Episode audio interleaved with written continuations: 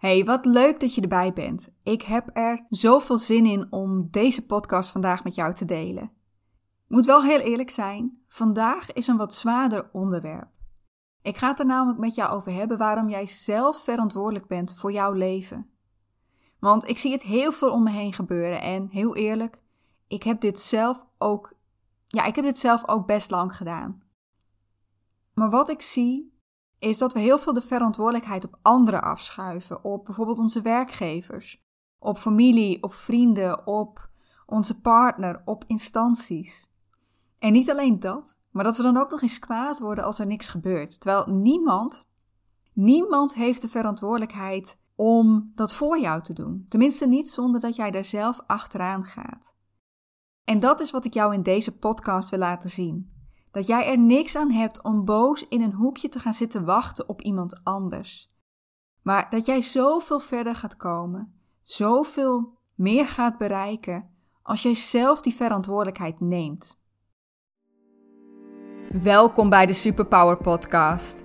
De podcast over helemaal jezelf zijn en jouw mooiste leven creëren. Mijn naam is Anneke Procé. Hier deel ik met jou mijn kennis over ontdekken wie jij diep van binnen bent en hoe jij wil dat jouw leven eruit ziet. Over houden van jezelf en zelfvertrouwen. Omdat ik geloof dat jij 100% jezelf mag en hoort te zijn. Het waard bent om zelf te bepalen hoe jij jouw leven wilt leven. En dat je alles in je hebt om dat leven waar te maken. Dus, ben jij er klaar voor om helemaal jezelf te zijn en te kiezen voor dat leven dat jij wil leven? Luister dan vooral mee.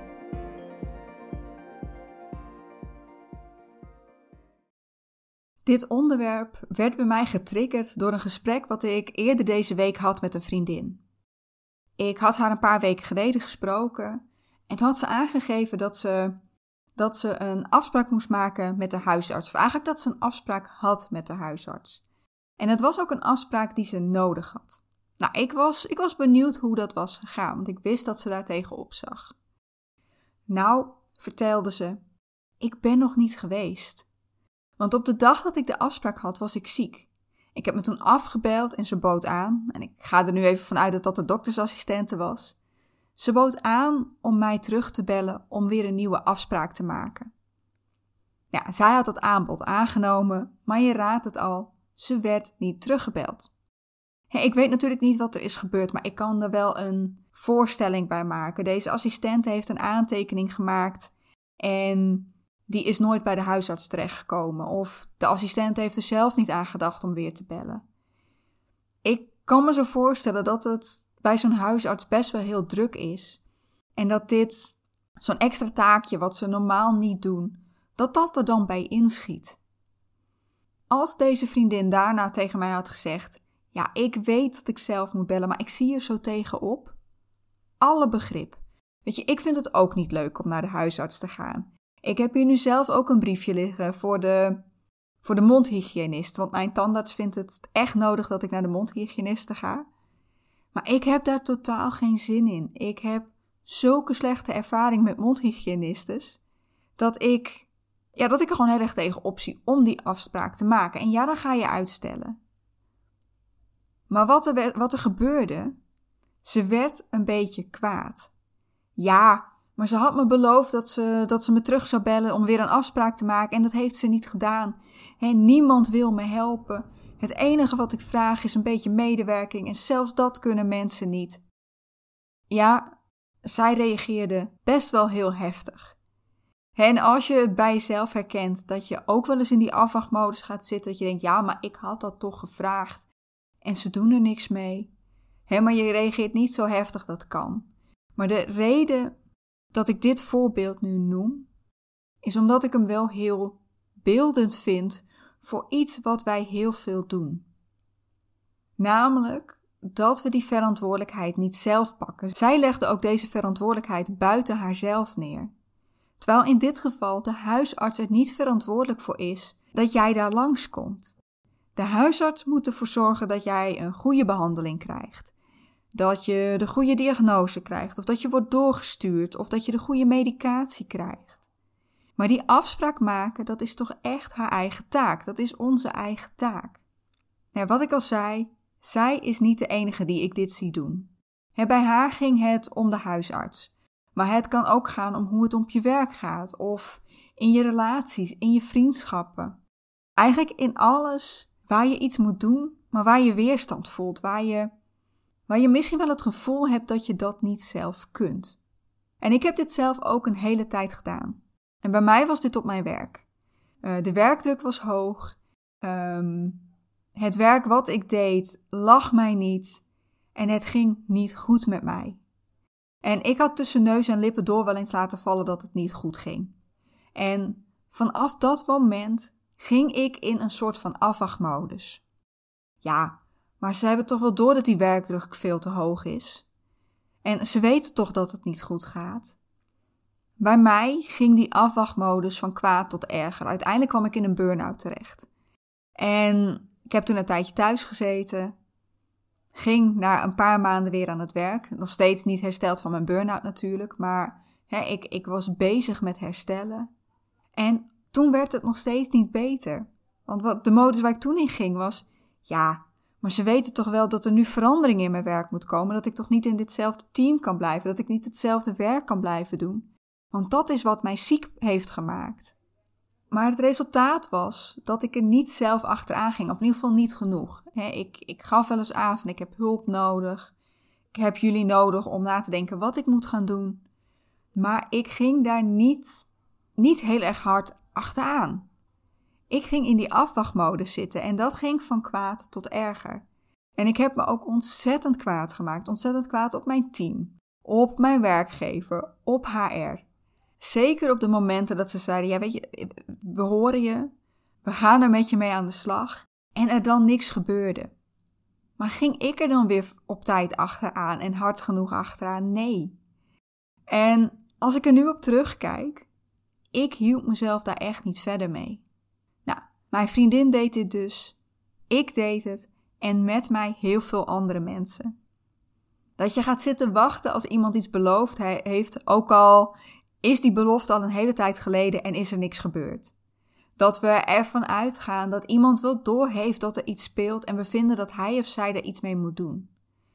Dat als we hulp nodig hebben en vinden dat iemand anders dat maar moet zien, dat ze het aan moeten bieden in plaats van dat we er zelf om vragen.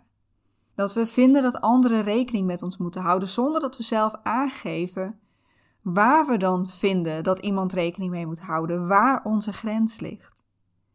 Maar hoe hard dit ook klinkt, dit is niet hoe de wereld werkt.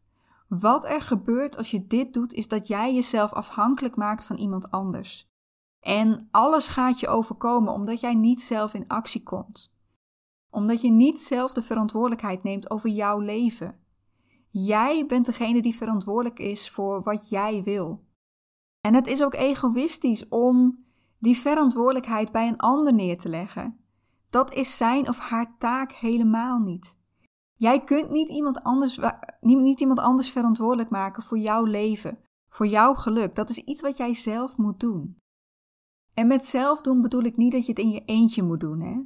Natuurlijk mag jij hulp vragen, maar jij bent wel zelf verantwoordelijk uh, om, om die hulp te vragen. En als die persoon dan niet reageert of uh, geeft aan uh, je te gaan helpen, maar vervolgens gebeurt er niks omdat jij niet een afspraak hebt gemaakt of omdat, ja, weet ik veel. Weet je, je kunt niet boos worden en in een hoekje gaan zitten en niks doen. Het is dan aan jou om weer contact te zoeken, om er weer achteraan te gaan. En als iemand zegt: Ik kan je of ik wil je niet helpen, Weet je, ja, dan mag je even gefrustreerd voelen. Je mag denken, oh, maar bij wie moet ik dan? Wie moet ik dan vragen? Maar je kunt er niet boos om worden, want die ander heeft het recht om nee te zeggen. Ja, dan moet je op zoek naar iemand anders.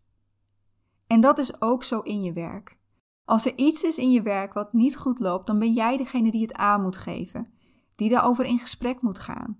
En als dat niet werkt omdat ze niet met je in gesprek willen of omdat ze met jou die verandering niet kunnen maken, dan is het weer aan jou om te beslissen wat je doet. Accepteer je het en blijf je? Of zeg je, nou weet je, dat, dat kan ik niet en ga je weg? En dat geldt ook voor relaties. Met je partner, maar ook met vrienden, uh, ook met familieleden eigenlijk. als er iets is waar jij niet blij mee bent, dan ben jij degene die dat gesprek aan moet gaan. En als de ander dat gesprek niet wil, of is het er niet mee eens, kan met jou die verandering niet maken, dan is het weer aan jou wat je ermee doet. Accepteer je het of ga je weg? Jij bent degene die beslist wie wel en niet deel uitmaakt van jouw leven.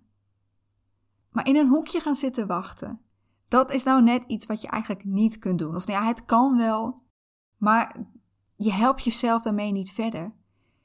Het klopt gewoon niet als jij in een hoekje gaat zitten, boos, gefrustreerd, en gaat zitten wachten en alleen maar gaat zeggen: Ja, maar niemand wil mij helpen of niemand houdt rekening met me. Want jij bent degene die in dat geval in actie moet komen. Ja, ik ben hier keihard in.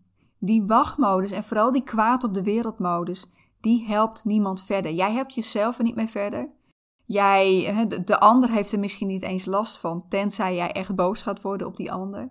Maar jij maakt jezelf afhankelijk van iemand anders, terwijl die ander niet verantwoordelijk is voor jou. En als je dit herkent bij jezelf, misschien bij iemand anders, weet je, ik wil daarmee niet zeggen dat je slecht bent. Of dat je te lui bent om die verantwoordelijkheid te pakken. Maar ik wil je hier wel bewust van maken. Want alles begint bij bewustzijn. En als je dit bij jezelf gaat zien, dan is dit iets wat je ook kunt veranderen. En dat is, dat is wat ik hiermee wil bereiken. Dat, dat jij dit bij jezelf gaat zien als je dit nu herkent, als je je aangesproken voelt. En dat jij weer die macht in eigen hand neemt. Dat jij ja, jezelf weer sterker maakt en uit die slachtofferrol komt. Uit die slachtofferrol waar je vindt dat niemand je wil helpen of dat niemand het goed met je voor heeft en waar alles je maar overkomt. Ik kon dat op een gegeven moment niet meer. Ik kon niet langer wachten. En bij mij kwam dat omdat ik op een gegeven moment bij mezelf depressieve gevoelens begon te herkennen. En ik ben eerder depressief geweest. Ik weet hoe, hoe, uh, hoe ik me toen vooral wanhopig voelde. En op het moment dat ik bij mezelf dacht, het, het was een ochtend, ik, um, ik was me klaar aan het maken voor werk. En bij mij was klaarmaken voor werk echt mezelf uit bed slepen. Me met heel veel tegenzin aankleden en naar mijn werk gaan. En het was dat moment dat ik bij mezelf dacht: Het is dat ik niemand pijn wil doen. Het is dat ik het niemand aan wil doen dat ik er niet meer ben. Maar eigenlijk wil ik niet meer. En daarmee bedoel ik niet, hè, ik wil niemand pijn doen door ontslag te nemen. Het ging een stap verder dan dat. En toen dacht ik: nu moet ik echt in actie komen. Nu kan ik niet langer boos in een hoekje blijven zitten en blijven wachten. Wat ik toen gedaan heb, is een heel direct bericht gestuurd naar HR. En ik heb ze wel vaker bericht gestuurd met: help me alsjeblieft. Maar dit was eentje waarin ik heb uitgelegd waarom ik nu echt hulp nodig had. Dat ik snapte dat ik geen prioriteit was. Dat ik maar één werknemer van de vele was en dat, er, dat ik echt wel snapte dat zij heel veel op een dag moesten doen en dat ik maar één van de taakjes op het lijstje was. Maar dat als ze me nu niet gingen helpen, dat dat mij mijn fysieke en mijn mentale gezondheid ging kosten. Ja, het had natuurlijk kunnen zijn dat ze daardoor nog steeds niet in actie waren gekomen. En dan had ik nog een keertje moeten kijken, goh, wat ga ik nu doen? Maar voor mij, blijkbaar was dit bericht dringend genoeg. Dit bericht was het bericht waardoor ik weer de macht in handen kreeg. Vanaf dat moment kreeg ik hulp. Oké, die hulp die liep uiteindelijk uit op een ontslag met wederzijds goedkeuren. Maar goed, ik had het roer weer in eigen handen. Ik zat niet meer stilletjes gefrustreerd te wachten, ik deed het weer zelf. En dat is wat ik ook graag wil voor jou: dat jij weer zelf de leiding neemt over jouw leven. En ja, dat is eng. Het is eng om zelf in actie te komen. En het lijkt makkelijker om te gaan zitten wachten en te denken dat alles vanzelf moet gaan. Dat andere mensen wel zouden moeten zien dat ze voor jou in actie moeten komen, dat ze jou moeten helpen. En ik kan me ook voorstellen dat je misschien het gevoel hebt dat je dit niet kunt. Maar dat is een excuus. Dat is een excuus om niet zelf die enge stap te nemen. Om te gaan zien dat je inderdaad zelf verantwoordelijk bent. En dat je ook zelf die kracht hebt om de leiding over jouw leven te nemen.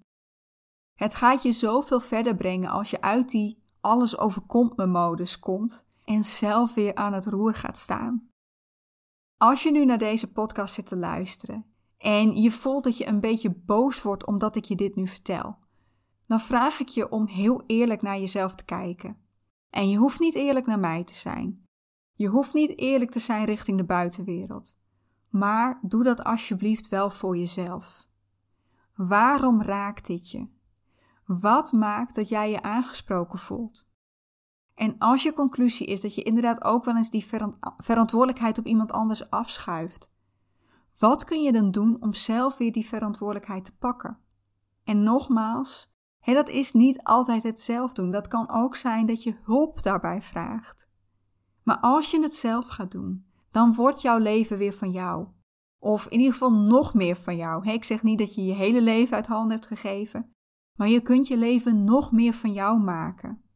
Jij bent verantwoordelijk voor jouw leven, voor wat jij in je leven doet, met wie jij omgaat, je gezondheid, etc. Niemand anders. En daarmee ga ik afsluiten. Dank je voor het luisteren naar deze aflevering van de Superpower Podcast. Dank je wel ook dat je er nog steeds bent en dat je niet in woede deze aflevering eh, uit hebt geklikt. Wil je hier nog iets met mij over delen of wil je hier iets over vragen? Dan weet je me te vinden op Instagram. Dat is het kanaal waar ik echt het allermakkelijkste bereiken ben. Stuur me daar een DM op anneke.proce. Weet je, ik ga echt heel graag met je in gesprek als je het hier met mij over wil hebben. Wens ik jou nog een hele fijne ochtend, middag, avond, wat voor tijd het bij jou op dit moment ook maar is. En tot snel bij de volgende aflevering van de Superpower Podcast.